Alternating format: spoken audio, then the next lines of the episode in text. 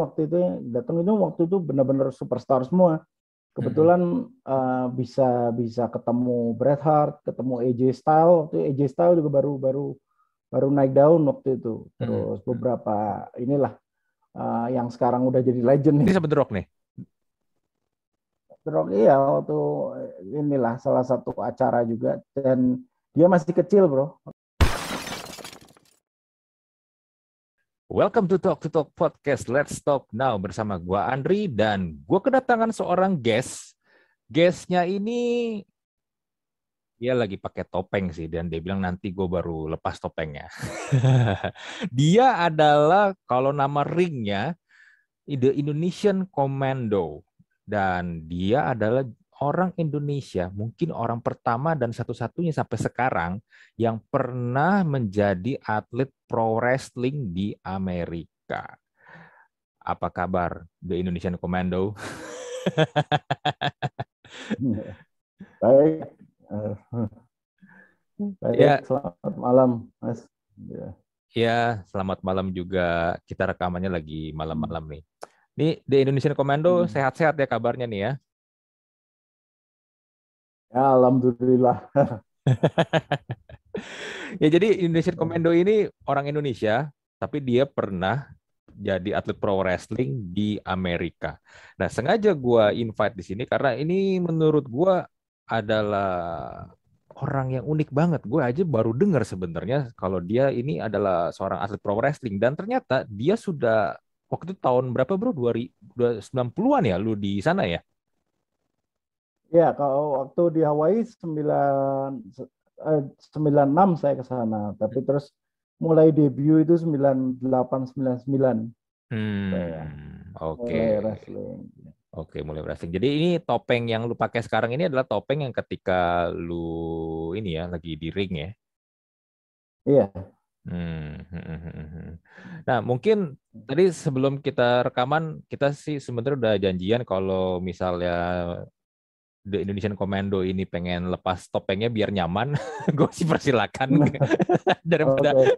daripada nanti ngobrol ya yeah. kita panjang pakai topeng kan ini ya nggak nyaman ngap juga. Iya, bentar. Iya.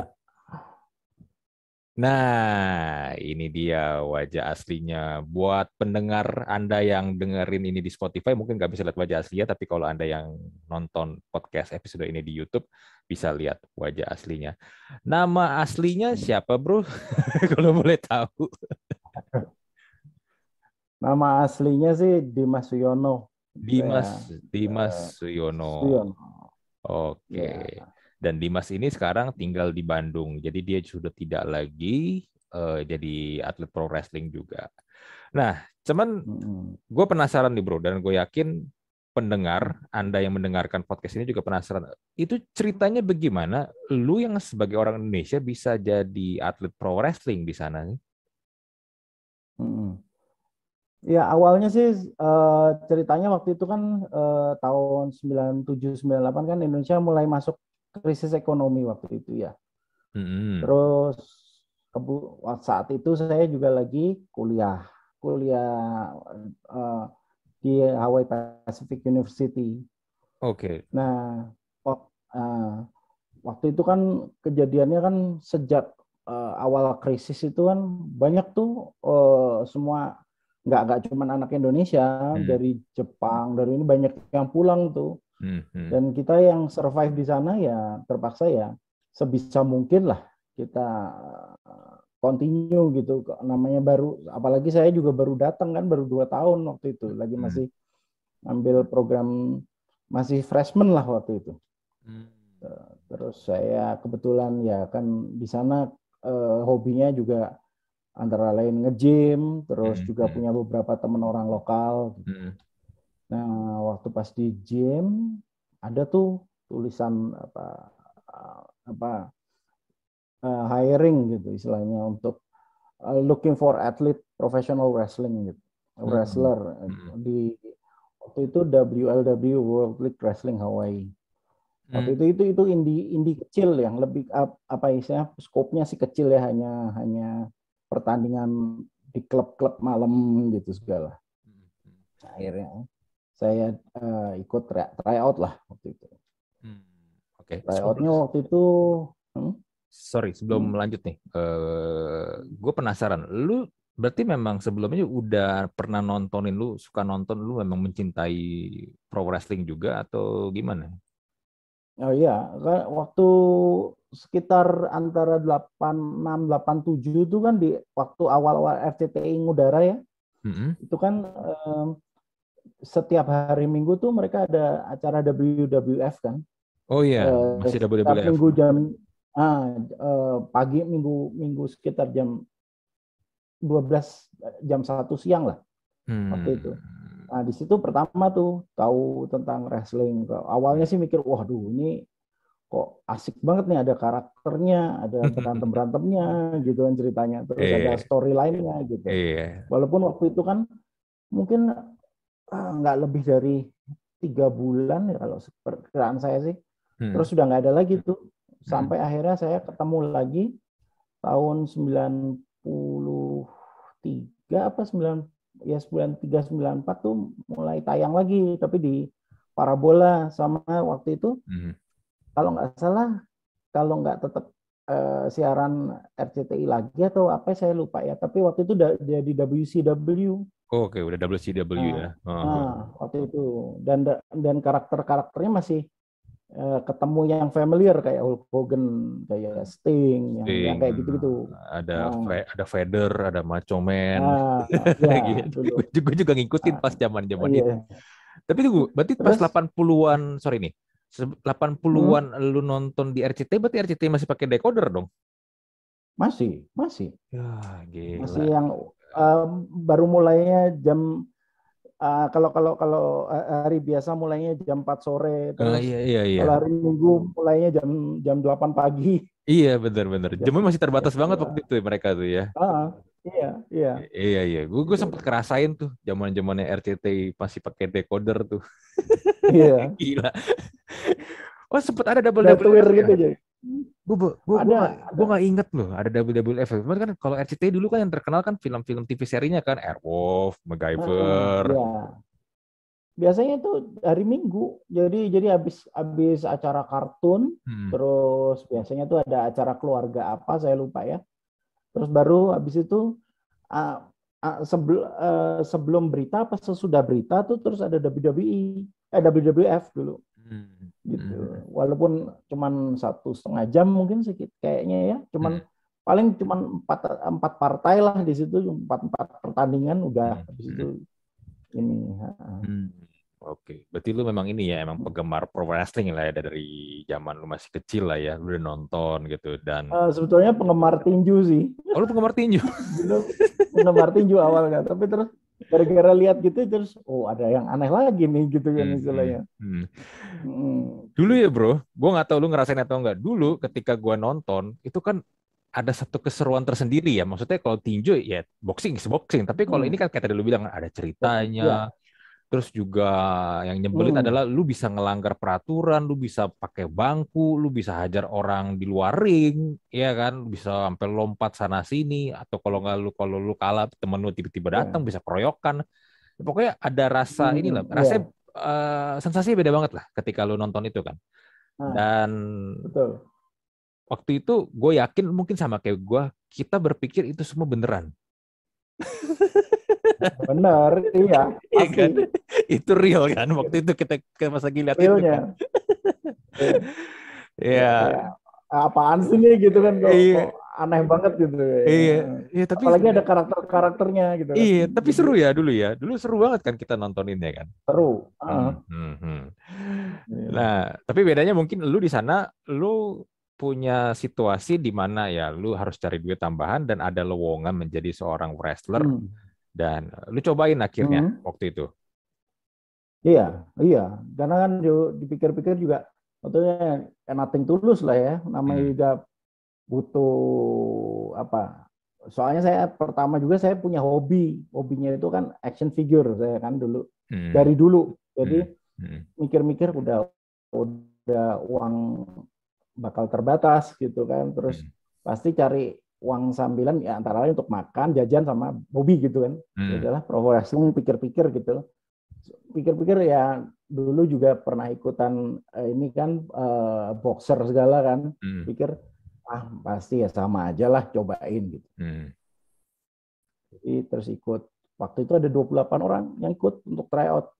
Itu tryoutnya tuh sebetulnya simple, hmm. cuman squat uh, itu squat jam seribu hmm. kali. Squat jam seribu uh, kali. Anjir. Up sit up lima, ya dari 15 menit tapi. 15 menit seribu kali. 15. Ya.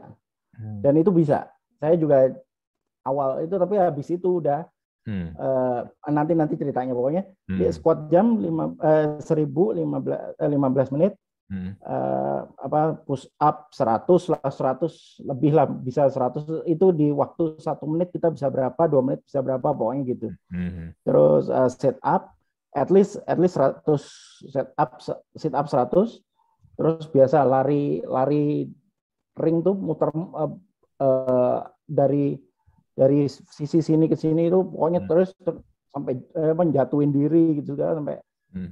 istilahnya eh, kita di timing lah gitu waktu itu. Tapi yang memang menentukan adalah set up itu eh, apa set, uh, squat jam itu sama uh, set up yang uh, yang paling waktu itu sebetulnya tolak ukurnya mereka. Hmm. Jadi kalau yang enggak waktu squat jam seribu nggak dapat seribu tuh ya udah nggak dapat gitu.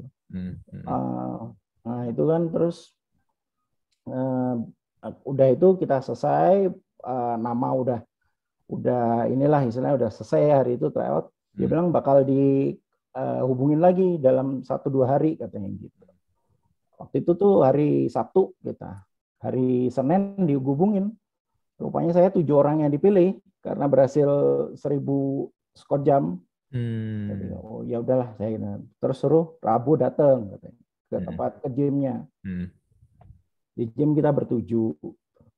Terus sudah di, ditanyain biasalah di, kayak kayak uh, interview biasa sih kita gitu. Terus mereka pada berdiri di ring gitu terus kita suruh uh, cara jatuh di ring kita. Terus itu sampai itu pokoknya basicnya tuh cara jatuh di ring.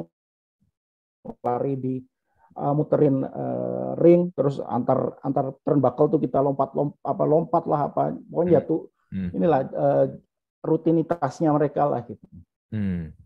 Hmm. ya terus akhirnya mereka bilang kita masih kita dari tujuh kita mampu semua tanda tangan kontrak kita istilahnya untuk untuk kontrak latihan ya waktu hmm. itu uh, sebetulnya waktu itu ada ada ada ada uang yang yang harus kita bayarkan gitu lah istilahnya walaupun ini untuk training doang gitu lah istilahnya. Hmm. Hmm. Saya bilang ya udahlah nah, uh, waktu itu saya juga pas lagi ada mereka mereka apalagi ya jumlahnya untuk mereka ya nggak nggak terlalu banyak gitu waktu itu cuman waktu itu sih kita bayar cuma 80 dolar untuk untuk latihan.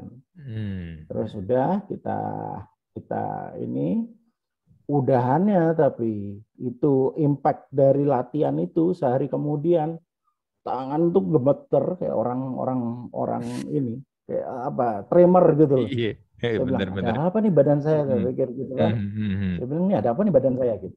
Rasanya tuh tidur nggak enak, badan ya sakit semua rasanya gitu. Hmm. Wah ada apa-apa nih gitu. Terus saya tanya, telepon itu salah satu apa eh, yang trainernya waktu itu Lars Anderson memang itu salah satu side effect dari badan kita yang nggak jadi kayak orang habis itu uh, trauma habis tabrakan katanya. Biasanya kayak gitu hmm. badan awal.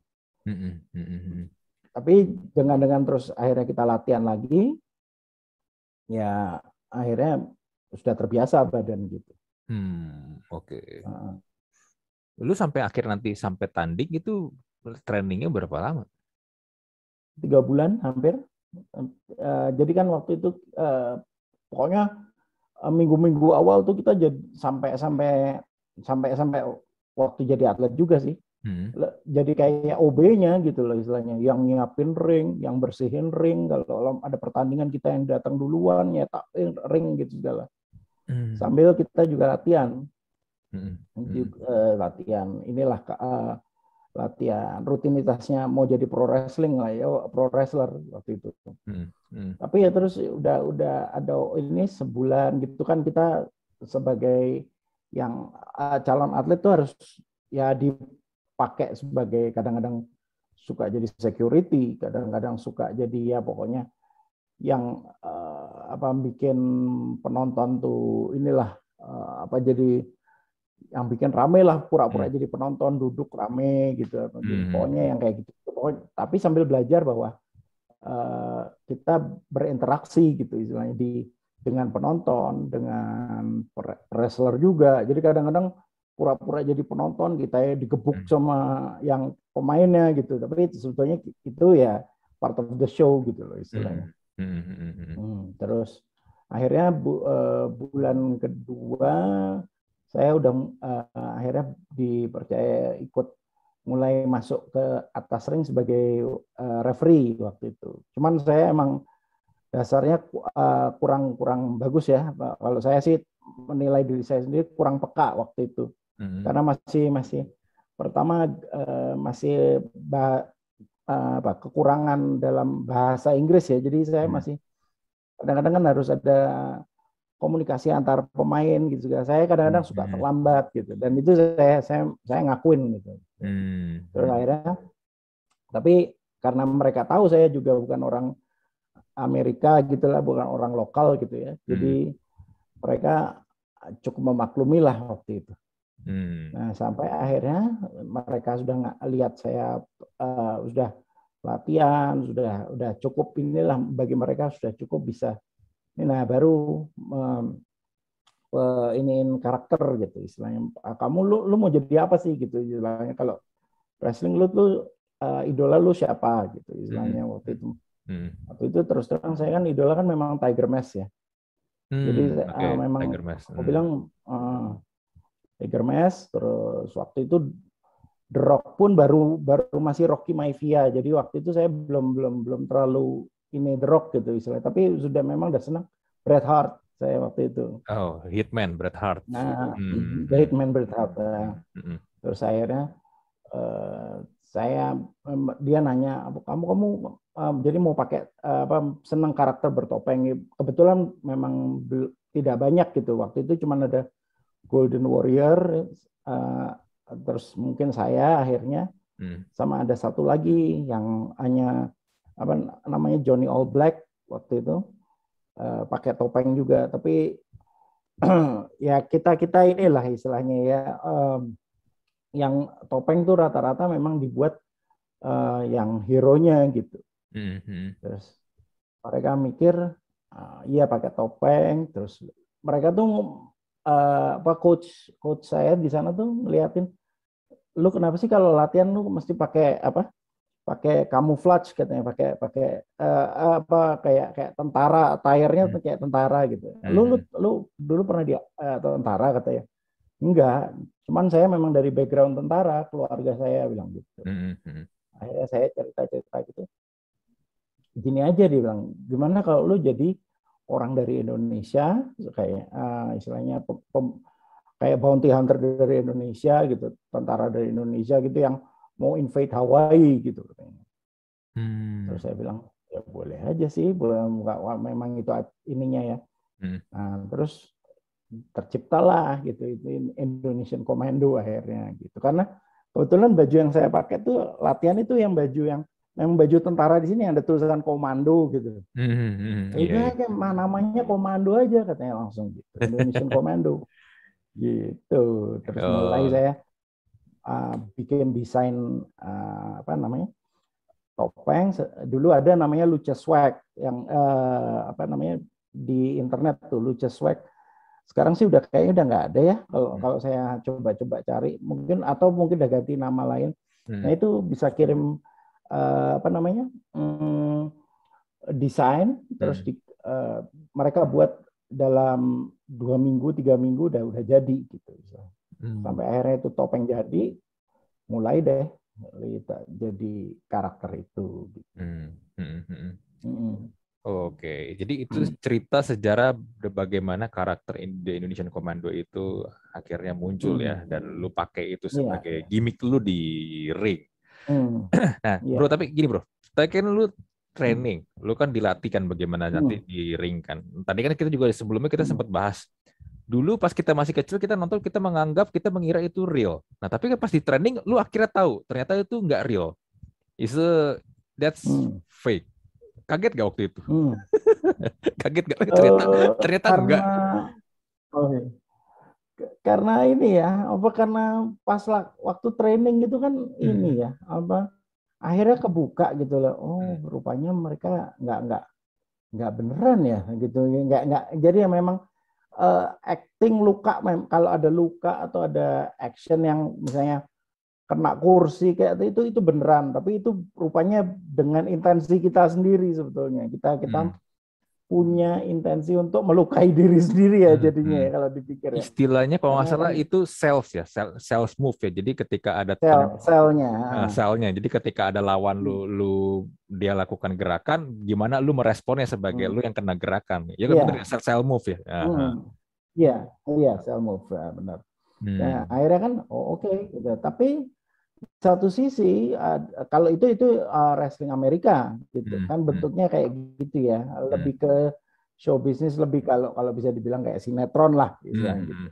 Nah kalau Jepang beda lagi jadi waktu pas Hawaii versus Jepang istilahnya ada kita ada acara ini udah diwanti-wanti tuh ini kalau pemain Jepang lu jangan jangan jangan terlalu selling mereka nggak suka maksudnya nggak suka gimana mereka tuh strong style namanya gitu. Dan mereka bener-bener mukul lo bener, istilahnya. Jadi kalau kalau bisa lu dengan, dengan mukul dia beneran itu hmm. ngerespek itu bikin dia respect ke lu katanya gitu. Oke. Okay. Oh, gitu ya nanti. Nah, jadi makanya kalau lihat yang Jepang sama Amerika, kalau Jepang mukulnya bener-beneran, kadang-kadang tendangnya tendang beneran. Hmm. Kalau Amerika masih masih ada apa ya bisa dibilang kayak akrobatnya gitulah ya saling ya. bantu membantu gitulah hmm. istilahnya. Hmm. Kalau Jepang kalau uh, mukul mukul beneran gitu loh gitu. Hmm. gitu. Dan itu cara makanya eh, Jepang kadang-kadang dikenal dengan warrior way karena ya mereka melakukannya segala sesuatu tuh serius gitu loh. iya iya iya benar. Gue pernah beberapa kali iya. lihat yang Jepang punya karena kan juga sebenarnya kan mantan yang mantan yang pernah ikut WWE pun pernah beberapa kali juga ikut yang di Jepang kan. Iya Jepang sih hmm. gila loh kalau wrestlingnya sih itu sih. Hajar-hajarnya juga hmm. gue bilang, wah oh, gila. Ini sadis banget mainnya. Dan ternyata ya. ada satu hal yang menarik. Apalagi kalau yang itu. Hmm. Yang yang mana? Yang itu uh, match Jepang hmm. uh, eh, UPW dulu kan hmm. itu kan match tuh itu kan bener-bener di luar di luar nalar sebetulnya pakai yeah. ada ringnya yang diledakin lah yang yeah, yeah, iya. pakai yeah. apa ya barbed wire lah yang ini yeah. itu kan Gila tuh. Gila sih memang.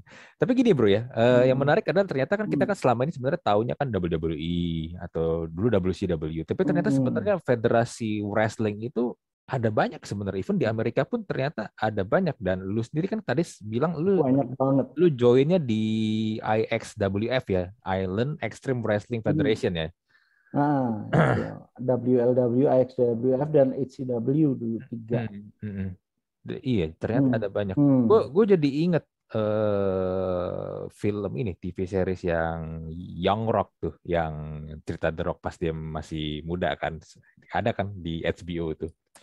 Uh, di situ kan diceritain dia kan dari kecil tuh ternyata udah akrab sama Andre the Giant, sama beberapa inilah wrestler-wrestler yang juga join hmm. di WWF hmm. waktu itu kan. Bapaknya juga juga ini kan juga wrestler kan Rocky Johnson ya. hmm. ya. Ternyata selain di WWF di Samoa yeah. sendiri di Hawaii nah. sendiri juga banyak ini ya kompetisi juga banyak ini juga brand-brand untuk wrestling juga dan neneknya sendiri pun kayak semacam apa ya kayak semacam agency gitu kan menaungi orang-orang yang itu tuh kayak Andre Dejan juga waktu itu dia yang pegang dan ternyata di sana itu yeah. memang sebuah industri yang ini banget ya maju maju banget ya. hmm. ya. Orang memang niat gitu untuk bikin begituan dan join begituan juga jadinya. Ya, sebetulnya sih itu kan kayak ini aja ya. So, uh, mereka kan uh, memang tujuan akhir mereka pengen direkrut di WWE sebetulnya kan karena WWE kan selalu uh, ngerekrut uh, talenta talenta baru gitu istilahnya mm -hmm. saat itu iya makanya kadang-kadang uh, mereka sendiri yang di Indi berkompet untuk menjadi ya istilahnya biar dikenal itu antara lain supaya ini uh, bisa direkrut sama uh, either WCW atau WWE WWF ya waktu itu ya Mas ya. Mm-hmm. Tapi terus kan keluar itu uh, eh, ECW. Oh iya ada ECW. Nah, mm-hmm. ECW sama beberapa uh, hmm, indie yang yang di luar WWE yang agak besar gitu sama Jepang kan kompetisinya. Mm-hmm. Nah itu mulai itu um, banyak yang kalau yang merasa nggak mungkin di WWE ya mereka mungkin ke apa mencoba try out di ECW atau ke Jepang gitu dengan situ mungkin bisa uh, dilirik lah oleh uh, scout uh, scout talentnya yang, yang yang nyari talent talent dari uh, WWE gitu loh untuk supaya direkrut gitu. Mm-hmm. Mm-hmm. Uh, kemarin bro, pas lagi gue research tentang lu nih, gue menemukan beberapa foto lu nih. Nah, gue gue pengen make sure dulu ini foto lu bener hmm. atau enggak nih. Bentar ya. Gue hmm. share screen. Nah, ini lu nih. Nah, yang mana nih? Iya. Ini lu nih. Iya, itu gue. Uh. Gua zoom. Itu sebagai karakter uh, Rottweiler waktu itu oh, okay. di HCW. Berarti ini udah beda hmm. karakter ya. Tadi yang di IXWF itu lu sebagai uh. Indonesian Commando, di ya. sini lu gimmick lu beda lagi nih di sini nih. Uh. Hmm. Uh, jadi gini, waktu itu kan uh, saat itu uh, eh, AXWF sudah talent tuh udah banyak ya waktu itu ya. Hmm. Terus ada ada uh, satu jadi satu company baru istilahnya baru mau memulai, tapi hmm. dia punya koneksi dengan New Japan waktu itu. Hmm. Nah, nah berdirilah uh, Hawaii Championship Wrestling ini HCW dulu Linda Bates yang bikin.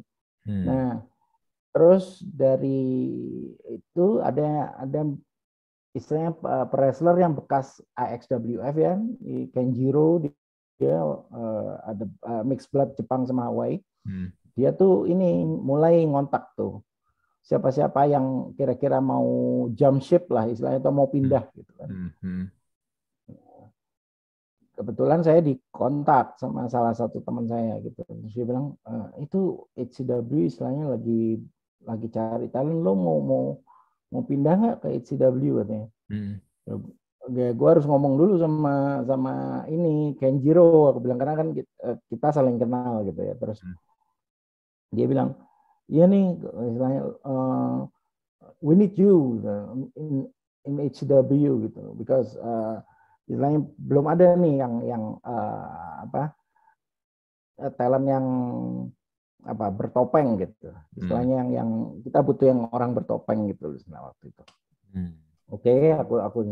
Cuman waktu itu eh, entah kenapa eh, sampai sana terus ketemu sama yang eh, coachnya itu gini lah eh, gitu kayaknya kita nggak perlu Indonesian Commando lagi nih katanya gitu. Karena kan kemarin waktu di AXWF tuh Indonesian Commando tuh ini heel gitu jahat gitu. Karena waktu itu kan hmm uh, terakhir saya di AXWF itu kan lagi habis itu uh, 9/11. Oke, okay, 9/11. Jadi terus uh, Indonesian Commando ini jadiin heel yang istilahnya nyerang uh, apa nyerang Amerika lah sebagai agennya Osama bin Laden gitu loh. Hmm. Gitu. Nah, kan uh, HCW kayaknya terus mau minta start fresh semuanya gitu. Hmm. Nah, yang lucu mereka bilang nih di AXWF kan ada si Sigdok nih katanya. Hmm. Mana lu jadi jadi ini apa karakter yang jadi penyaingnya Sigdok gitu loh di di HCW gitu. Hmm. Karena karena mereka bilang lu lu kalau ngesel karakter oke okay, katanya gitu. Oke, okay, hmm. pikir-pikir ada pikir, Bulldog udah ada, ini udah ada terus akhirnya belum ada nih karakter Rottweiler katanya gitu. Padahal Rottweiler itu kan kalau dipikir kan anjing anjing memang anjing gede gitu, hmm, tapi iya. uh, baik hati gitu loh, nggak nggak nggak, nggak nyerangan gitu loh. Hmm, benar benar. Lu jadi Rottweiler aja gitu. Hmm. Terus oke okay, gitu. Nah terus gimmicknya mulai itu, uh, pokoknya lu nggak nggak perlu ngomong ngomong apa terus banyak ngomong, pokoknya lu cuman barking aja istilahnya gitu. Terus kalau kalau lu udah mulai istilahnya jadi rabbit jadi rabbit itu jadi gila gitu ya dengan hmm. Uh, mulai berbusa mulut lu tuh itu udah menandakan lu nanti itu finishing move lu gitu katanya. Oh gitu. Ini mulut lu berbusa nah, sini ya? Lagi berbusa Nah, ini waktu ini ya, ini kan uh, baru ini ya. Hmm. Ini tahu-tahu awal udah berbusa nih. Orang kan udah langsung loh kok dia tahu-tahu udah udah udah langsung ini gitu. Hmm. Karena waktu itu ini lagi main jadi pembuka nih saya nih. Jadi harus harus harus pop out the crowd gitu loh, bikin hmm. crowd tuh ini gitu. Jadi tahu-tahu udah keluar dari ini udah berbusa gitu. Jadi hmm. waduh dia udah udah belum apa-apa deh ini karena ini kan hardcore match waktu itu. Oh, Oke, okay. hardcore match ya. Pas yang ini. Hmm. Nah, jadi jadi langsung belum apa-apa udah udah berbusa mulut. Itu kasih itu berbusa tuh kayak kayak kalau di sini tuh ada triknya pakai itu apa namanya untuk vitamin C kayak redoxon gitu. Dulu namanya Alka-Seltzer di sana. Hmm. taruh aja di mulut langsung keluar aja busa gitu. Ternyata pakai begituan. Iya, iya. iya iya iya. Eh, tapi bro tapi, tapi emang apa ya?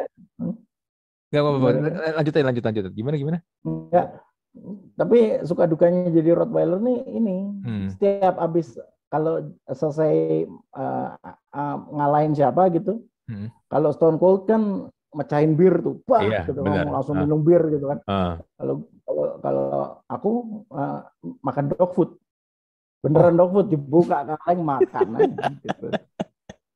makan dog food beneran. beneran. Oh my god. Ini ya totalitas lah ya sampai sebegitunya. Ya. Totalitas. Ya. Iya. Iya iya iya. Bener bener bener. Hmm. Eh, tapi bro, gue penasaran nih. Ini lu hmm. arenanya ini kayak pasar malam atau gimana sih?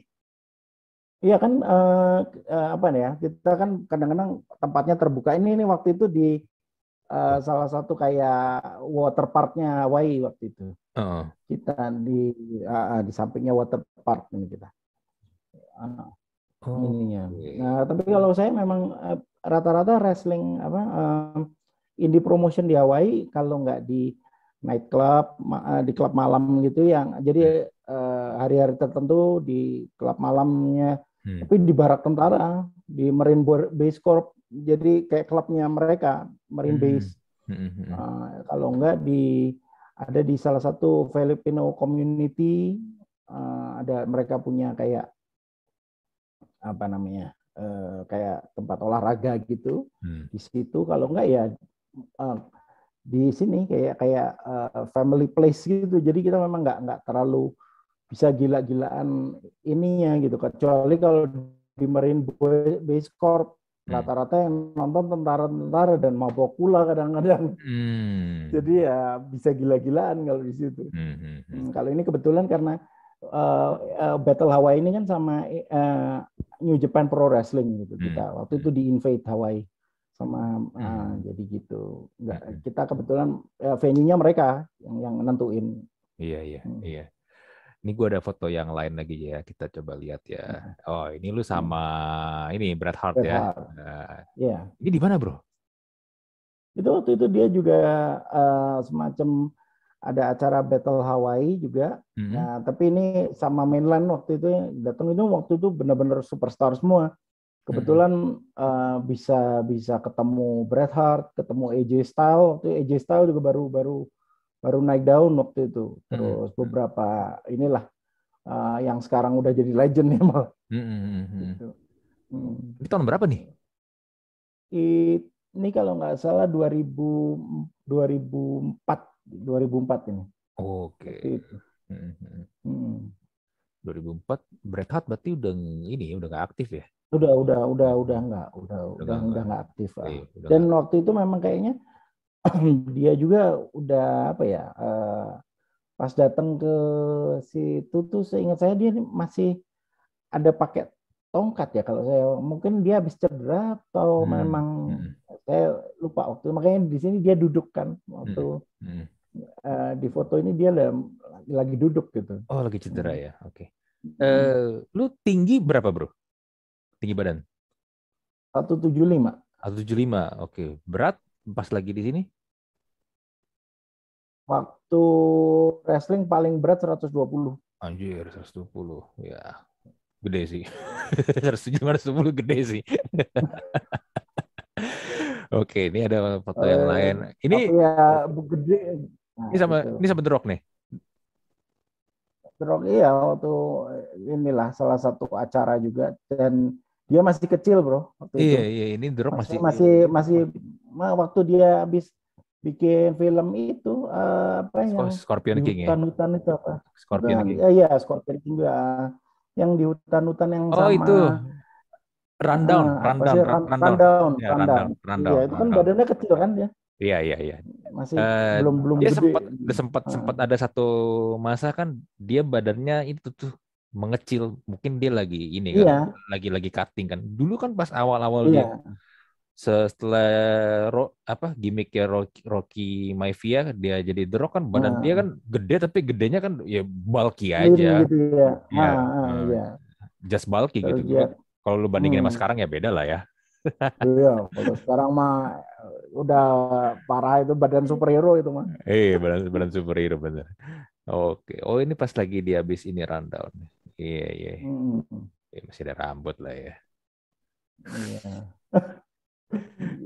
Iya, ban ban pinggangnya aja dia masih pakai ban pinggang yang ini ya, yang logo pala oh, ini. Nah, pala banteng, ya, pala banteng ya, benar. Brahma Bull. Ya, Brahma Bull, benar, benar. Hmm. Oh ini, ini ini nih ya, karakter lu ya yang iya, tadi ya, yang yang tadi ah. yang di kalau tadi pakai topengnya ya, di Indonesia. Hmm, hmm.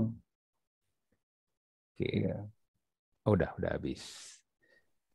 Ya. Wah, gila bro. Itu kalau jadi wrestler di sana, bro, untuk lu nih yang ikut hmm. IXTFWF sama EXCWF hmm. tadi tuh, lu hmm. bayarannya berapaan, bro? Pernah itu tuh kadang kalau dua dua fight aja ya at least 100 dolar, 120 dolar sih kalau se, se per match. Per match. Itu nggak hmm. mahal nah, nggak mahal sih tapi kan kita kan hampir continuous setiap hari jadi hmm. at the end of the month ya lumayan gitu hmm. kalau hmm. bisa kalau bisa ini loh kalau bisa nyimpen ya soalnya kadang-kadang 120 gitu kita dapat misalnya hmm. habis itu ada hangout di bar gitu hmm. ngabisin minum udah berapa gitu kan udah ngabisin makan udah berapa hmm. badannya pada gede-gede makannya juga parah iya akhirnya nggak ber, ya, bersisa ya kadang-kadang. Iya kadang-kadang ada yang pas malam apalagi kalau lagi misalnya dasarnya ini suka apa ya ambillah ada temen tuh yang apa aja bisa dijadiin betting gitu apa dijadiin apa ya ngebet apa istilahnya? Taruhan. Katanya taruhan. Taruhan gitu. Hmm. nah, iya kadang-kadang kalau dia udah ngajak taruhan taruhannya suruh beliin minum gitu kan. Hmm. ya udah habis aja malam itu. Hmm. Ya gitulah kehidupannya. Uh, pernah by the way pernah nonton film The Wrestler belum? The Wrestler belum, belum. Yang si Michael Rook. Kayaknya oh, gue belum, ya. gue, gue ya, belum, gue belum nonton. Ini, hmm. Kenapa tuh filmnya tuh? Hmm. Uh, enggak itu pak paling kalau menurut menurut gue sih paling konkret ya tentang kehidupan per wrestler gitu loh di situ hmm. di mana dia yang sudah sudah kalau tapi itu kan menceritakan se, seorang wrestler yang sudah cukup umur gitu coba berkompet dengan yang muda-muda gitu. Akhirnya dia serangan jantung sampai ya gitu tapi tidak jauh lah keadaannya seperti gitu gitu loh. Kita kadang-kadang uh, hampir seperti nyatanya gitu kehidupan seorang pro wrestler gitu. Kalau saya sih alhamdulillah karena masih diimbangin sama Eh, belajar karena kan saya juga namanya masih kuliah saat itu jadi hmm. masih punya tujuan harus nyasain sekolah ya, kalau enggak ya pasti kayak ya mereka mereka itu hidupnya cuma antar an, tiap malam antar ring doang gitu istilahnya kadang-kadang nggak nggak mikir terlalu panjang. Hmm. Lu pernah cedera gak bro? Banyak. Banyak. Sampai sekarang sampai sekarang tuh apa penyesalan terbesar itu kadang-kadang kalau mikir gitu ya gila ya gue ngapain sih ikutan yang kayak gitu-gitu kalau kalau tahu hmm. kayak gini impactnya gitu kan apa cedera yang paling ya. berasa yang lu parah banget eh, sampai sekarang itu dengkul dengkul ini apa nih ini udah yang ini sebelah kiri ini udah fakta banget udah udah hmm. kadang-kadang udah apa ya jalannya aja lebih gagah bapak gue daripada aku kadang-kadang dan dan terus terang nih terus terang nih hmm. kan eh, gue termasuk uh, korban steroid abuse ya karena dulu gue nyoba compete melawan orang yang lebih istilahnya peer pressure-nya di tempat uh, locker room itu kan orang-orang gede semua hmm. orang Hawaii apalagi gede-gede badannya hmm. Gue waktu itu memulai dengan berat 90 dan itu kan harus build muscle harus at least untuk ngangkat mereka lah istilahnya kalau dalam wrestling kan mm-hmm. butuh gitu yang kayak gitu ya. gue pakai steroid terus terang dan steroidnya itu anabolic steroid yang untuk biasa disuntikin ke anjing balap mm. waktu itu uh, dan itu sempat pada titik di mana gue uh, addicted sama pakai steroid itu hmm. tahun 2000 2001 hmm.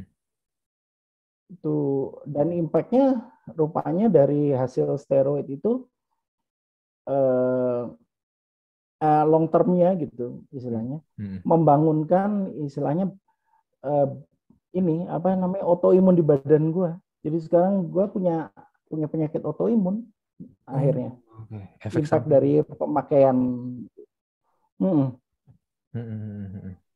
dan apa ya ya sampai hari ini ya karena sudah jadi autoimun ya tidak ada obatnya gitu loh.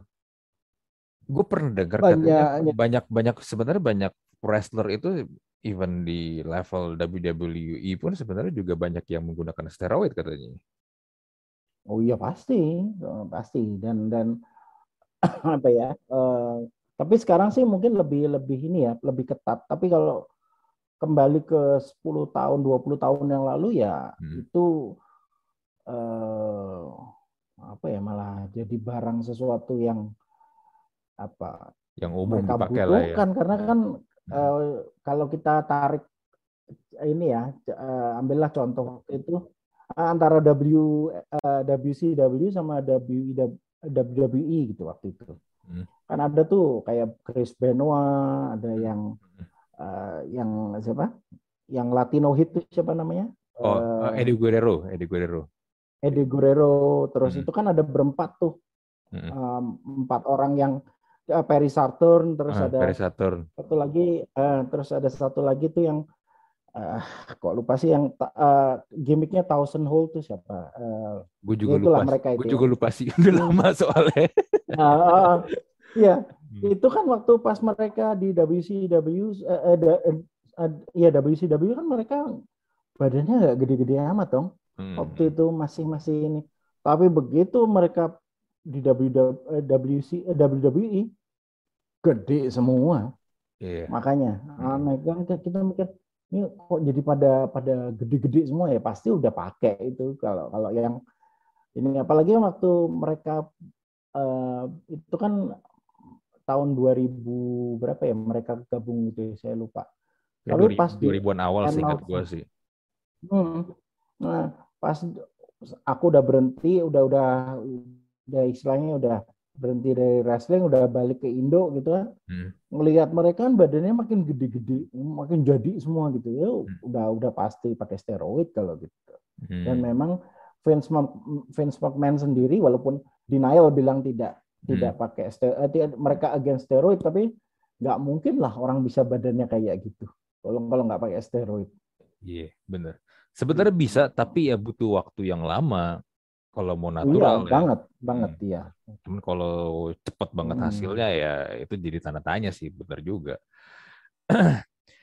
iya Ya, gue sih kalau ngelihat yang, ya, kalau ngomong WWE ya, orang-orangnya kan banyak yang gede-gede ya, kayak Undertaker, Kane, Terus sempat ada Hmm. siapa lagi tuh? Big Show kan juga sempat masuk masuk situ ya sebelum Hmm, kan di hmm. WCW. Itu kan orang-orang Iya. yang badannya tuh gede-gede banget tuh semuanya kan. Hmm. Iya. Iya bisa jadi, tapi kan ya we, we never know. Kita kan nggak pernah tahu di belakangnya gimana kan. Hmm, iya. Mhm. Tapi tapi eh, dengan dengan apa? Saya saya sih dengan karena pengalaman pribadi ya, ya Hmm. sebetulnya bukan bukan saya mau gimana gimana, tapi eh, banyak istilahnya wrestler yang istilahnya kalau dibilang di atas saya sedikit lah istilahnya eh, usia di atas saya ataupun yang jajarannya saya lah istilahnya gitu dulu Hmm, hmm, pasti terkena eh, imbas steroid abuse dan banyak sekali yang saya lihat memang akhirnya ke segi psikis mereka hmm. yang kayak eh, saya saya nggak bisa tarik bahwa ini bahwa kasus gitu ya kayak Hmm. Chris Benoit gitu yang akhirnya Iya benar. kenapa kok dia bisa snap atau ngebunuh satu keluarga dan dia bunuh sendiri akhirnya gitu Hmm. segala kan Hmm, itu itu kan pasti ada ada something eh, psikis gitu loh dan dan saya eh, bisa bisa apa ya bisa bilang percaya gitu hal itu karena saya sendiri merasakan waktu eh, masa saya terkena steroid abuse itu emang bawaannya kayaknya hanya kesenggol aja kayaknya mau marah gitu kayak yang Hmm. udah mudi terus bawaannya tuh hmm. jadi terus saya sih makanya saya pikir ya nggak nggak eh, nggak heran gitu kalau banyak eh, wrestler yang banyak maaf se- seusia saya ataupun di atas saya yang Hmm. di era era attitude lah istilahnya yang sekarang sudah nggak ada Hmm, Mm-mm. either itu suicide banyak loh yang yang suicide ataupun meninggal karena overdose gitu karena memang antara lain eh, ada gitu itu eh, apa impact dari Hmm. steroid abuse ataupun memang peer pressure dari eh, teman-temannya yang memang mungkin lebih terkenal gitu jadi ya banyak sekali sih intinya sih. Lu sendiri kalau ngelihat industri di sana ya bro ya, eh, lu kan udah pernah di sana, ya walaupun lu mungkin nggak sampai di WWE, tapi untuk sampai ke level WWE itu, itu perjuangannya itu harus harus gimana sih bro?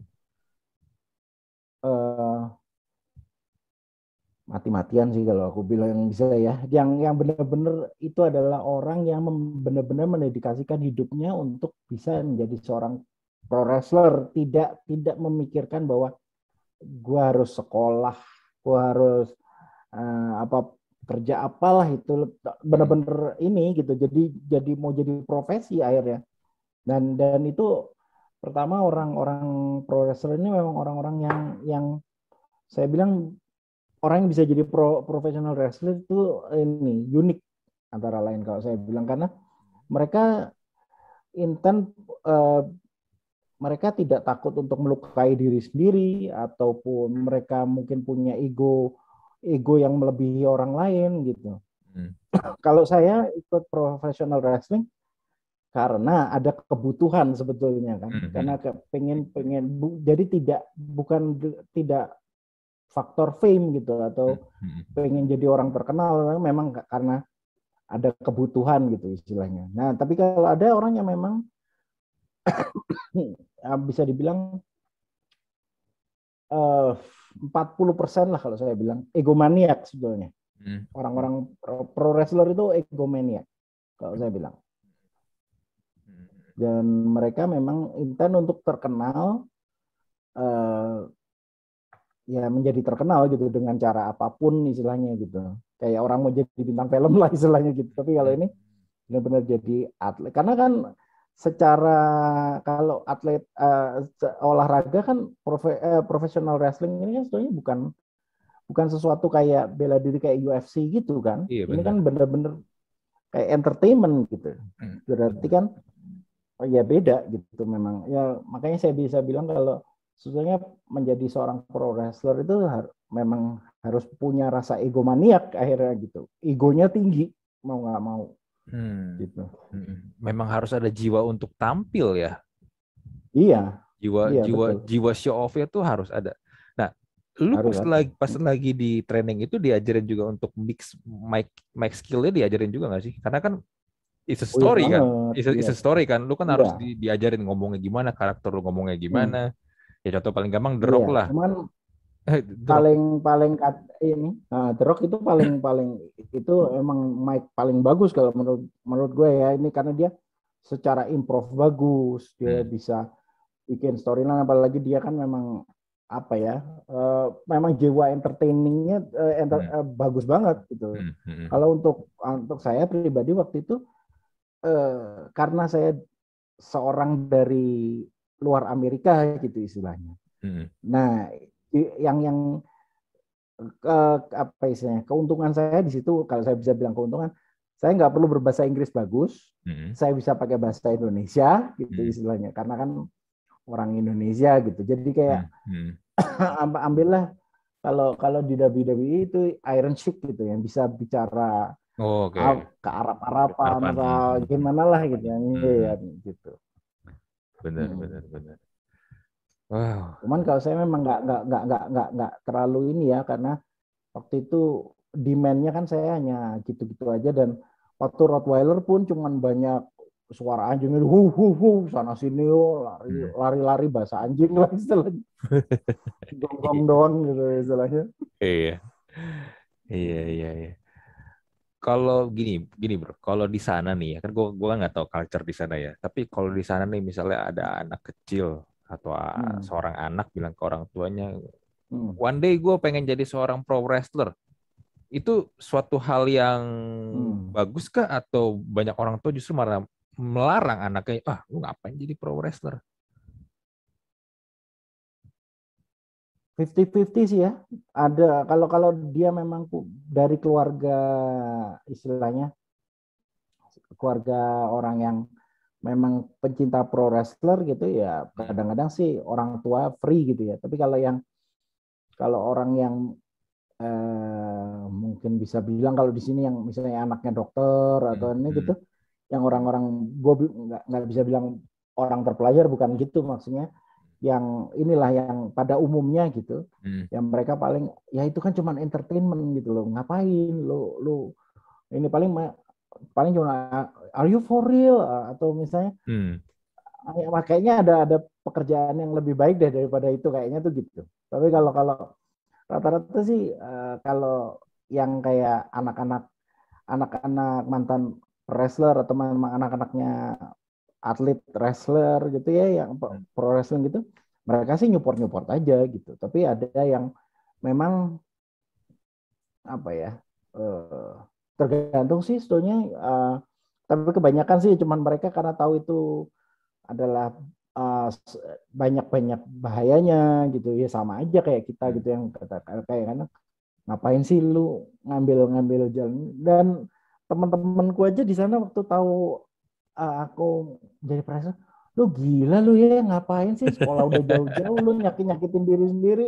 Nah aku bilang gue gue bukan apa-apa sih gue untuk spare money nih gue bilang untuk untuk punya uang sedikit at least untuk hobi gue untuk ya untuk personalnya jadi kan nggak nggak terlalu ganggu keuangan yang udah diberikan sama orang tua waktu itu. Kan orang tua kan sponsorin gitu istilahnya. Hmm. Hmm. ya, cuman ya teman-teman gue waktu itu ya nggak ada yang berpikiran bahwa mau jadi kayak gitu tuh nggak ada gitu Hmm. Bener. kecuali kalau kecuali kalau ada beberapa anak yang memang sudah anak Indonesia yang udah gede di sana gitu lahir di sana tuh. Hmm.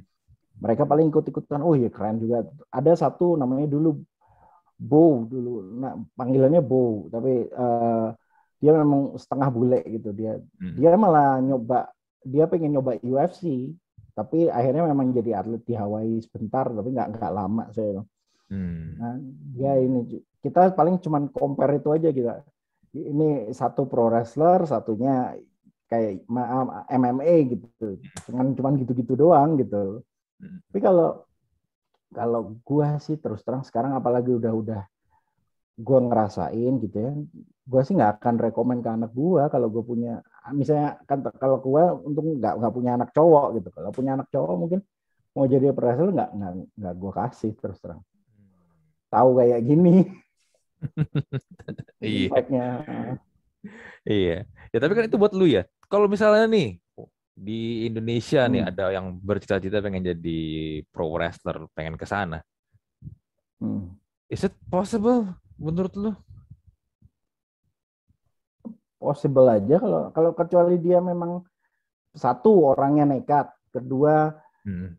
eh, memang punya duit untuk untuk kalau dia cedera gitu bisa ini bisa ambillah dari orang yang benar-benar eh, sorry sorry misalnya benar-benar orang kaya gitu istilahnya Hmm. mau jadi gitu ya silakan gitu loh Hmm. tapi ya kembali lagi gitu Eh, makanya saya setiap kali kalau ada ada orang "Mm, um, Bro Dimas mau ini dong bikin sekolah wrestler eh, apa gulat di, di Indonesia gimana dong? Atau kalau bisa bisa nggak?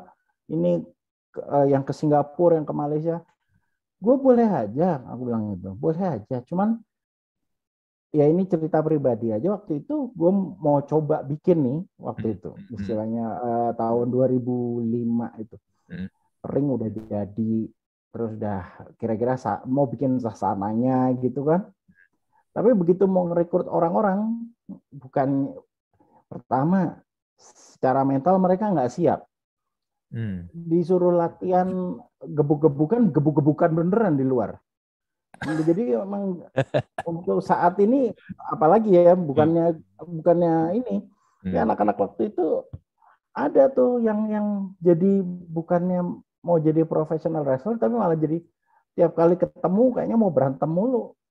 Akhirnya karena ada ditambah perizinannya susah karena nggak nggak di Indonesia kan nggak ngerti nih.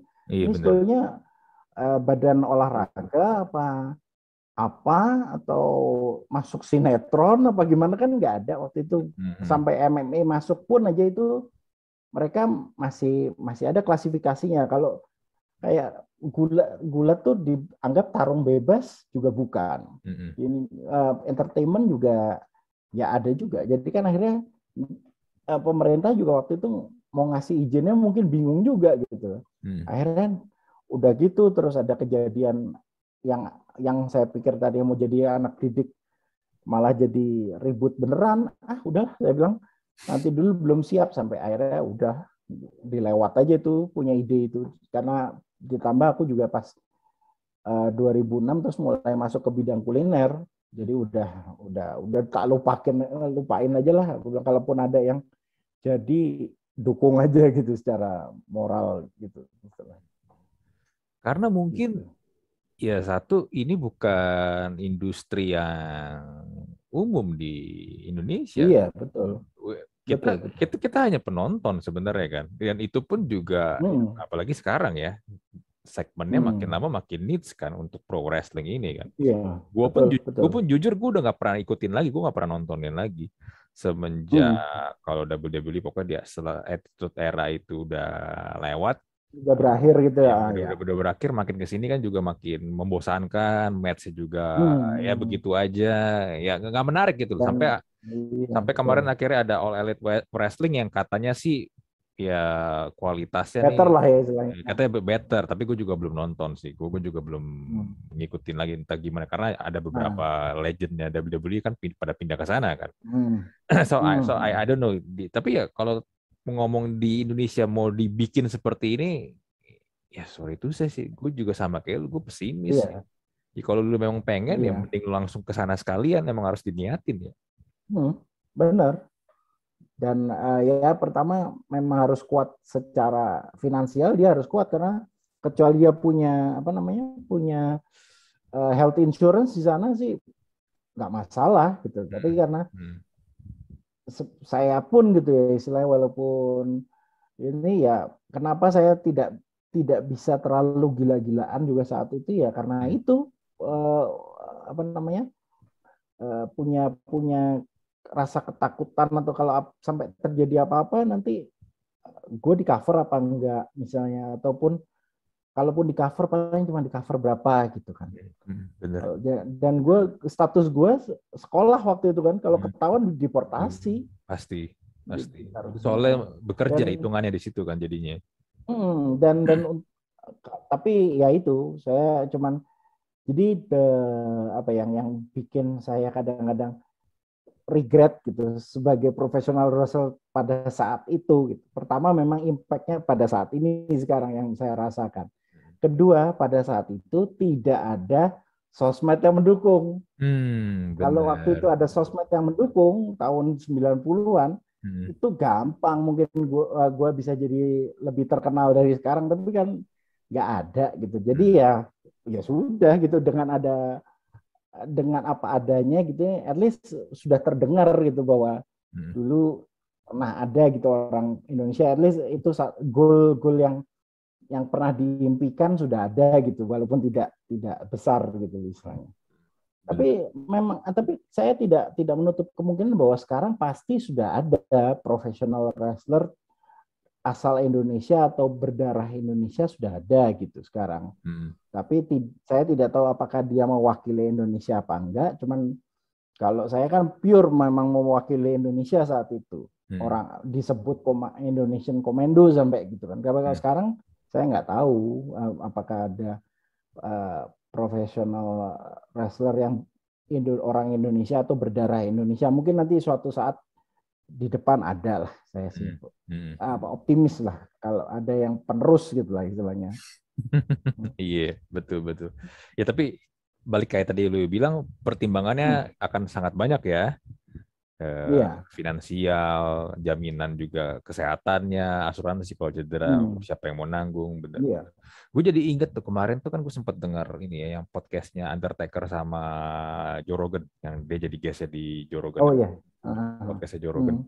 Dia sendiri yang pernah ini correct me if I'm wrong ya, tapi seingat gue dia pernah hmm. cerita hmm. waktu itu dia pernah cedera, matanya itu sampai sempat kegeser tapi dia nggak sempat ngobatin karena gue lupa dia karena dia waktu itu lagi nggak ada duit atau takut kenapa gitu ya tapi sampai segitunya hmm. itu Undertaker loh Iya, sampai dia harus pakai topeng kan?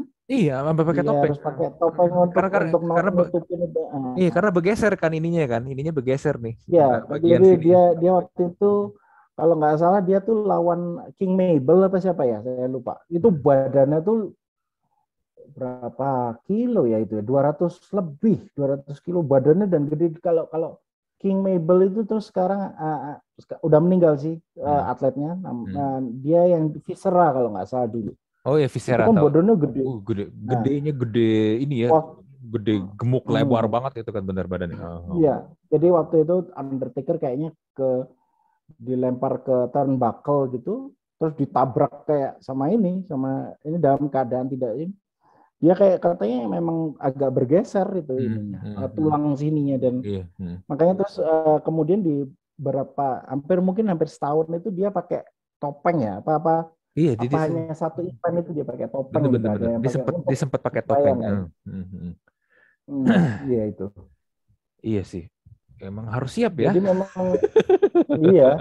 Uh, apa injurednya itu bener. Hmm. Makanya orang bilang kan uh, kalau dulu di sebelum acara yang di RCTI itu dibilang kan uh, the the pain is real, hmm. injury hmm. is real gitu. Like, don't try this at home. Ya memang kenyataannya seperti itu gitu loh. Hmm. Hmm. Uh, sakitnya yang yang yang kita lakuin ya memang hanya uh, profesional gitu. Secara profesional kita melakukannya benar-benar gitu. Ada prosedurnya, ada prosedur jatuhnya kita benar. Tapi impact dari itu yang kadang-kadang di luar dugaan gitu kan hmm. sakitnya beneran injetnya beneran gitu hmm. istilahnya hmm. gitu so bisa dibilang waktu itu keputusan televisi dan melarang tayangan pro wrestling lagi di TV hmm.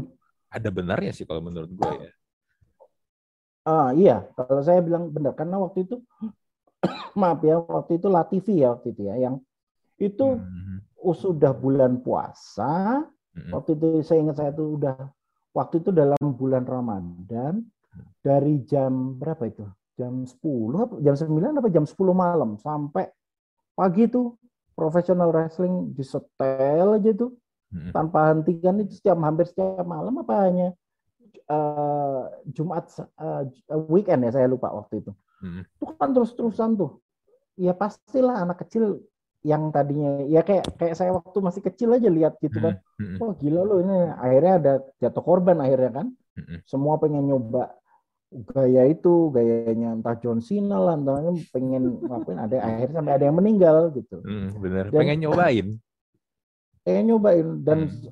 dan semua taunya itu Smackdown Smackdown gitu hmm. untuk saya sih waktu itu eh, agak menggelikan keadaan seperti itu tapi kan kita nggak bisa nggak bisa melarang orang pengen nyoba walaupun mereka di mata mereka kan oh keren nih gitu gaya-gaya gini tapi kan sebetulnya ada hmm. ada impact dan bahayanya memang gitu hmm. Ya, Dan, dan itu kejadian akhirnya ada yang meninggal hmm. waktu itu saya memang sempat dimintai jadi narasumber di SCTV waktu itu di acaranya Rossi waktu itu hmm. kok kan ini sebutkan uh, beliau tanya ke saya Eh, sebetulnya ini yang bertanggung jawab siapa? Saya bilang semua, saya bilang yang bertanggung jawab ya TV station ber, ber, bertanggung jawab, orang tua bertanggung jawab, hmm. saya bilang gitu. Dan hmm. yang melukai anak itu ya sebetulnya kalau kalau di luar negeri ya bukan anaknya aja yang kena eh, apa eh, apa istilahnya hukuman ya orang tua hmm. pasti hmm. ada imbas kena kena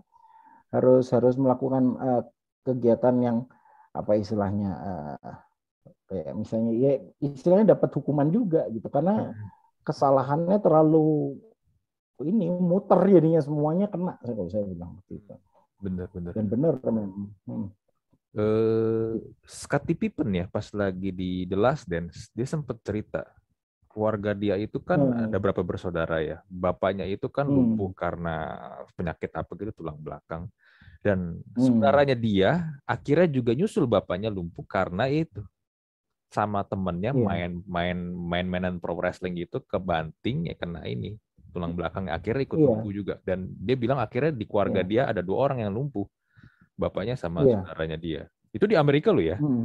itu di Amerika yeah. nah, tempat tempatnya itu ya kalau di sini kayak begitu ya gimana ya emang ini sih susah sih. Emang dibutuhkan sebuah yeah. kedewasaan untuk nonton itu ya supaya kita lihat Betul. this is just eh, entertainment. Uh, jadi kadang-kadang kayak kayak apa ya? Um, anak-anak saat itu tuh uh, hmm. waktu yang kejadian uh, apa? Uh, mereka memutar acara Smackdown waktu itu sampai panjang itu kan sehari waktu apalagi pas di masa-masa orang puasa gitu. Hmm. Pasti anak-anak kan nonton tuh. Hmm. Jadi dan yang mereka tonton tuh apalagi di attitude era gitu loh. Hmm. Gitu. Jadi yang banyak sekali anti hero gitu istilahnya gitu. Tidak seperti waktu mereka nonton uh, kalau kayak umuran saya nonton WWF zaman dulu gitu ya hmm. masih hmm. uh, good ver, uh, apa good versus evil banyak yang hero versus villain gitu istilahnya gitu kan. Mm-hmm. Kalau waktu attitude itu kan banyak ini, banyak yang karakter yang anti hero yang kayaknya malah dilulukan gitu kayak Stone Cold Steve Austin lah yang, yang yeah. kayaknya ngasih middle finger aja tuh kayaknya sesuatu yang kayaknya cool gitu padahal yeah. enggak juga gitu istilahnya. Mm-hmm. Dan itu jadi ditiru sama anak-anak yang kecil gitu istilahnya. Hmm. Hmm. Gak jelas kan bener ya antara yang baik siapa yang jahat siapa ya. Stone iya. Cold, even The Rock yang People Champion pun sebenarnya juga banyak ini kan nyelenehnya di situ kan. Iya, iya, betul. iya kan. Apalagi dulu uh, apa ya, uh, banyak sesuatu yang sebetulnya uh, tabu untuk di setel di TV gitu kan waktu hmm. itu karena hmm. ada yang uh, siapa waktu itu Edge kan jadi rated uh, rated R uh, rated superstar apa apa itu waktu itu dia. Oh iya, rated, uh, rated yang, R superstar ya benar. Ah iya. Itu kan dia ada yang satu sesi yang dia melakukan kayak adegan di tempat tidur sama siapa dulu tuh Alita ya kalau nggak salah ya yang hmm. yang dulu hmm. itu kan. Hmm ada kan yang kayak gitu. Itu itu kan sebetulnya nggak senonoh gitu loh waktu itu. Tapi jadi sesuatu yang diperbolehkan gitu loh. Karena memang ya mereka nyebut dengan dengan sebutan attitude gitulah istilahnya. Sesuatu yang berani berbeda gitu. Tapi ya hmm. ya gitulah. Impactnya agak-agak memang agak kalau yang tidak siap ya pasti. Apalagi untuk anak eh, anak-anak kita gitu yang secara lihat film apa kayak Smackdown itu kan sesuatu yang baru ataupun yang tidak normal lah istilahnya ya acara yang wah keren gitu. Kayak menurut mereka ada violence-nya ada ada ceritanya ada ya kayak kayak nonton film aja gitu. Jadi ya untuk anak-anak kecil yang saat itu belum bisa memilah itu bener apa enggak yang pasti ikut-ikutan gitu. Betul, betul. Di satu hmm. sisi kalau kita mau bicara tentang ya itu ya keamanan nonton, gue setuju sih bro. Tapi kalau untuk gue yang di umur gue sekarang untuk hmm. keasikan menonton, to be honest, gue tetap masih memilih attitude era sih. Hmm, yeah, yeah. for yeah. the for the quality ya, for the quality ya. Kan hmm, makin makin ke sini hmm. pun WWE pun akhirnya bikin ini kan PG era kan parental guide era kan di mana yeah. karena yeah, Vince, yeah. Vince pengen anak kecil bisa masuk nonton langsung. Ya tapi oh. impactnya adalah jadi boring. Iya pasti. Jadi boring. Dan, dan apa? Uh, apa? Jadi terlalu apa ya? Jadi terlalu drama banget jadinya kayak kayak ya kayak feel benar-benar sudah kayak dipakemkan ada drama gitu di situ kan gitu. Iya. Yang hmm. dramanya juga yang kadang-kadang memaksakan istilahnya tapi ya ya sudah gitu loh. Hmm. Memang hmm. karena aimnya aimnya untuk general akhirnya kan mereka Betul. tidak bisa uh -uh, tidak bisa memilih segmented yang orang-orang istilahnya ambillah 17 tahun ke atas kan nggak bisa udah mereka udah karena udah mereka udah melepas untuk bisa ditonton anak-anak kecil karena mereka juga mau nggak mau punya daya jual gitu loh. Hmm. Mereka suka beli merchandise, beli ini gitu. gitu. Bener-bener. Dulu kan ada ungkapan hmm. gini kan, hmm. anything can happen in the in the WWF kan. Jadi lu nggak akan pernah iya. tahu banyak banyak banyak banyak banget kejutan ketika si ini lagi lawan ah. ini, lu lagi asik-asik udah mau menang, eh tiba-tiba ada yang curangin, datang bantuin kroyok iya. dia. Jadi kan anything can happen in WWF. Tapi hmm. setelah iya. itu berpindah ke PG era ya udah lu nggak akan pernah menemukan itu lagi. Iya Uh, John Cena ya waktu itu sampai dikritik kan dia terlalu jago, hmm. terlalu seperti Superman, iya, iya kan? Hmm. jadinya ngebo jadinya iya. ngebosenin, ya. Tapi hmm. inilah ya plus minus lah ya. Uh, ya kalau disuruh milih sih, gue jujur udah nggak menikmati sih kalau dengan dia kualitas nah. seperti itu ya. Iya. Gitu. Apalagi dengan era sejak pandemi ini tanpa penonton tuh jadi wah tambah tambah kalau menurut saya maaf maaf saya boleh kata jadi garing bener bener tidak tidak ada hype upnya dari penonton tuh sebetulnya eh, penonton sorak-sorai penonton itu menentukan iya. menentukan hmm. ini ya ya kak kayak waktu itu ada satu tuh segmen di AEW atau di mana saya lupa waktu itu jadi mereka datangin itu siapa uh, yang saudara ya itu yang Hardy Hardy Hardy oh, Boys. Hardy Boys. Matt Hardy kan di sana kan, kan? Uh, di All Elite nah, Wrestling kan? Nah nah waktu Matt Hardy jadi yang karakter yang apa kayak psycho itu apa dia kan di atas tuh kayak ber, ber kayak apa kayak animatic gitu kan matanya gini-gini. Tapi karena nggak ada penonton jadi lucu gitu hmm. kelihatannya. Hmm. jadi garing gitu. Ya iya. memang ada ada ada impact yang nggak enak gitu jadi liatnya. Nggak ada penonton. Jadi penonton tuh memang part of the show mau nggak mau. Benar. Gitu. Bener, nah makanya bener. tadi saya dari awal interview saya kan tadi yang yang saya bilang kadang-kadang kita ditaruh sebagai penonton gitu walaupun kita trainee gitu kan istilahnya. Mm -hmm. ya karena kita itu untuk mencoba menghype up penonton aslinya sebetulnya gitu loh. Mm. untuk makin ini gitu menghidupkan bener. lah gitu harus ada yang mancing benar ya benar benar benar ah, benar hmm.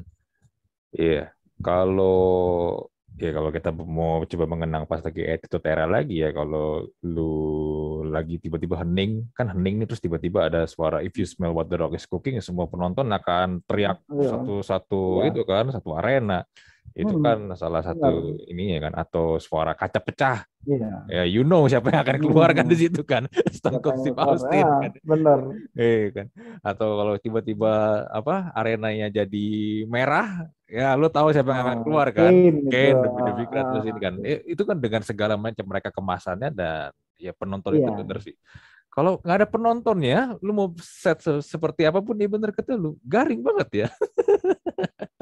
garing banget Apalagi kalau kasihannya itu ini The Fin kalau saya bilang. Hmm. Karena dia waktu saat-saatnya harusnya dia tuh kan demonik gitu kan. Hmm. Waktu kemarin kan dia waktu awal-awal jadi The Fin itu kan apa uh, Bray, Bray White uh, jadi uh, Bray Wyatt jadi The Fin itu kan pas masih pandemi tuh. Hmm. Itu saya nggak nggak bisa uh, apa nggak bisa I cannot imagine gitu bagaimana beratnya dia untuk membangun karakter itu gitu.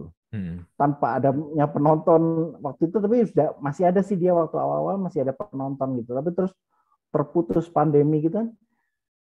uh, dia keluar dengan ambilnya dengan gaya demoniknya gitu tapi nggak hmm. nggak ada nggak ada touch apa jerat jeritnya penonton tuh biasa jadinya gitu loh hmm. memang memang kemasan apa eh, pro wrestling itu tidak tidak bisa lepas dari penonton kalau saya bilang juga. Iya benar benar benar benar ada beberapa iya. hal yang memang penonton tuh harus ada sih.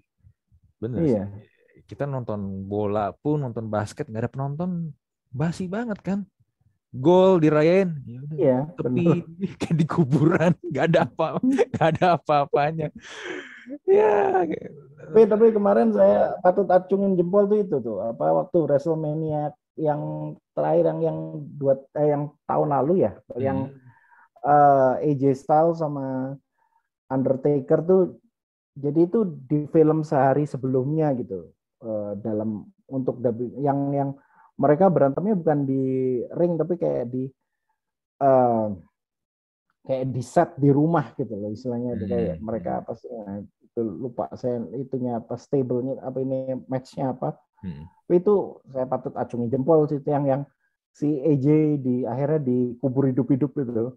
Hmm. itu oke okay lah gitu loh. Tapi walaupun kita tahu bahwa itu akhirnya bocor bahwa dibuat sehari atau dua hari sebelum uh, WrestleMania gitu. Karena WrestleMania kan harus waktu itu ya ini kayak kayak eh, show-nya kan kayak via ini ya kayak via apa namanya uh, uh, tidak ada penonton waktu itu gitu loh. Hmm. hmm, hmm.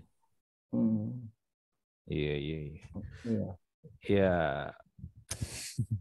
Tapi susah sih. Temen sekarang udah penonton udah pada masuk kan nih? Gue kemarin lihat All Elite Wrestling udah, udah, udah, udah, udah, udah, udah dapat penonton. Iya dan Amerika apalagi sudah udah vaksin udah kayaknya udah sejak vaksin itu sudah melebihi 50% mereka udah udah udah udah lepas kayaknya ini udah untuk untuk acara-acara event-event olahraga udah udah boleh masuk kayaknya sekarang. Hmm, benar. Tinggal di Indo nih baru ya, belum kita bioskop aja baru dibuka hari ini. Iya, benar. Kita lihat aja lah di Indonesia bagaimana nih untuk iya. ininya ya anyway lu sekarang berarti sibuk jadi chef chef sekarang tapi sekarang juga sudah uh, ini apa waktu waktu di uh, saya sebagai chef juga sudah mulai menghitung hari sebetulnya. Bukan hmm. menghitung hari menghitung tahun sudah. Karena saya sudah sudah di demand untuk menjadi uh, owner aja. Jadi nggak nggak nggak perlu turun langsung gitu. oh, gitu saya hanya turun okay uh, apa hanya kalau ada ada event-event tertentu gitu. Baru-baru turun gitu. Karena secara ini sudah ya kalau lu turun terus ya uh, apa ya istilahnya ya nggak akan maju juga gitu perusahaan lu cuman cuman untuk lu, lu juga gitu mm. istilahnya kan lu harus menikmati gitu hmm. untuk mulai mau manage bukan hanya turun langsung aja gitu. Hmm. Tapi kan lu udah berarti gitu. intinya lu udah settle kan di bidang kuliner ini kan? Sudah. Ya.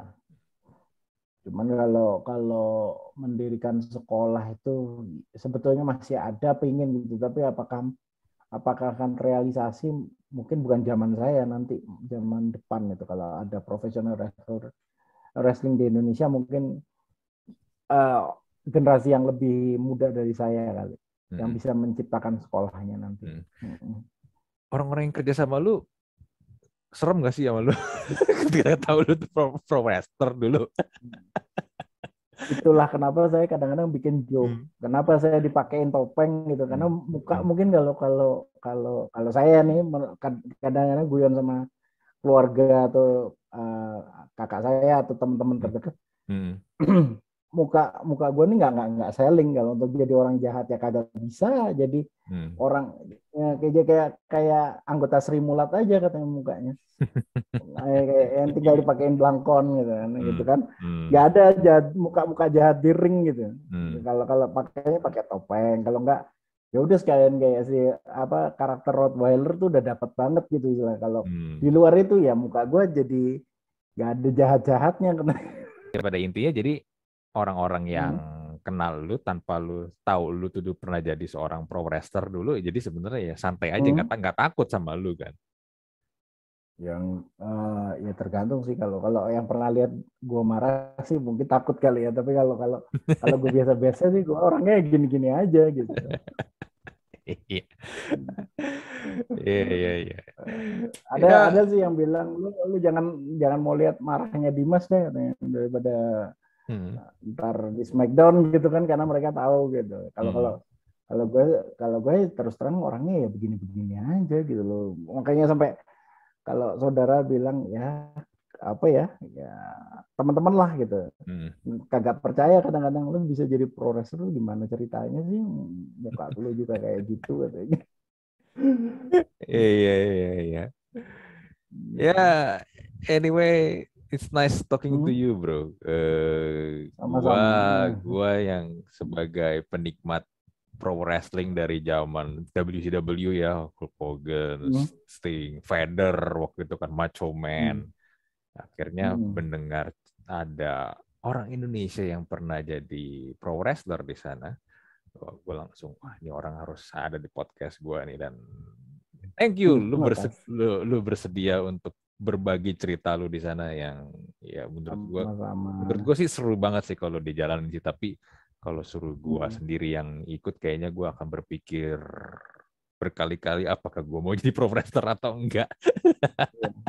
Sama mungkin kalau boleh sih saya uh, kasih pesan ya kalau mungkin yang denger ini gitu yang uh, hmm. mungkin ada yang bercita-cita gitu jadi pro pro, hmm. pro wrestler kalau memang ini um, pengen jadi pro wrestler uh, harus 100% lah, 101% kalau perlu.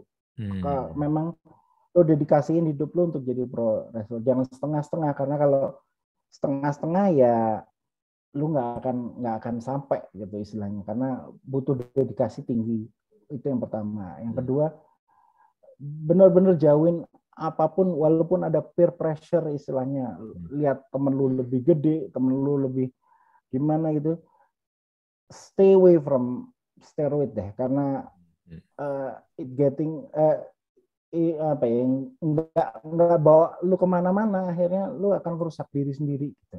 Hmm. dan kalau sudah jadi pro uh, se, lu udah, udah punya karakter karakter lu jangan ter apa istilahnya termakan oleh karakter lu karena nggak banyak nggak nggak sedikit orang yang sudah punya karakter ambillah jadi kayak Jake the Snake Robert gitu. Yang akhirnya tidak hmm. bisa me, membagi apa atau me, apa, menyadari bahwa di mana karakter dia sesungguhnya. Apakah dia memang karakter ini atau memang uh, karakter orang aslinya. Karena dia akhirnya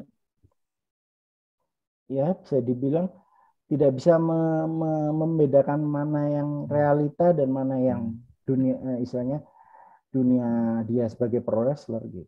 Hmm. Ya itulah uh, penuh eh, ya perlu dedikasi tinggi lah untuk untuk kalau memang yang mau jadi ini dan harus harus 100% lah kalau memang eh, lu harus dedikasi tinggi hmm. untuk jadi atlet jangan setengah-setengah. Hmm. Benar. Dan mungkin bagi Anda ya yang mendengarkan episode podcast kali ini, mungkin kalau Anda memang pengen, mungkin bisa kontak Dimas, nanya-nanya kalau channelnya ke mana sih? Misalnya nih, misalnya siapa hmm. tahu Dimas masih punya channel di sana, yeah. tahu kontaknya ke mana, ya kan? Who hmm. knows gitu kan? Who knows? We, we, we never know yeah. kan? Siapa tahu di sana ada yang pengen nyoba gitu, hmm. serius di sini. Ya kalau paling deket lah mungkin Malaysia sama Singapura ya yang sudah punya hmm. apa sekolah ini mungkin bisa dicoba kalau memang mau. Tapi itu kembali lagi tadi berpikir bahwa apakah secara finansial uh, mendukung hmm. uh, dan uh, anda berani beresiko gitu karena memang mau jadi professional wrestler yang kayak tadi saya bilang risk taker soalnya orangnya. Hmm, jadi uh, bisa setengah-setengah. Hmm, benar, benar, benar, setuju. Hmm. Oke deh, sekali lagi thank you buat Dimas atau The hmm. Indonesian Commando atau Rottweiler. Hmm. Punya tiga nama. nama. Ya, thank you sekali lagi. Borong. Iya, sekali lagi. Sekali lagi thank you buat waktunya buat sharingnya. Thank you banget udah berbagi. Kita tutup lah ya podcast episode kali ini. Gua Andri dan Dimas alias Indonesian Commander alias juga Rottweiler. Rottweiler. Kita pamit dulu, kita jumpa lagi di episode Talk to Talk Podcast berikutnya. Bye.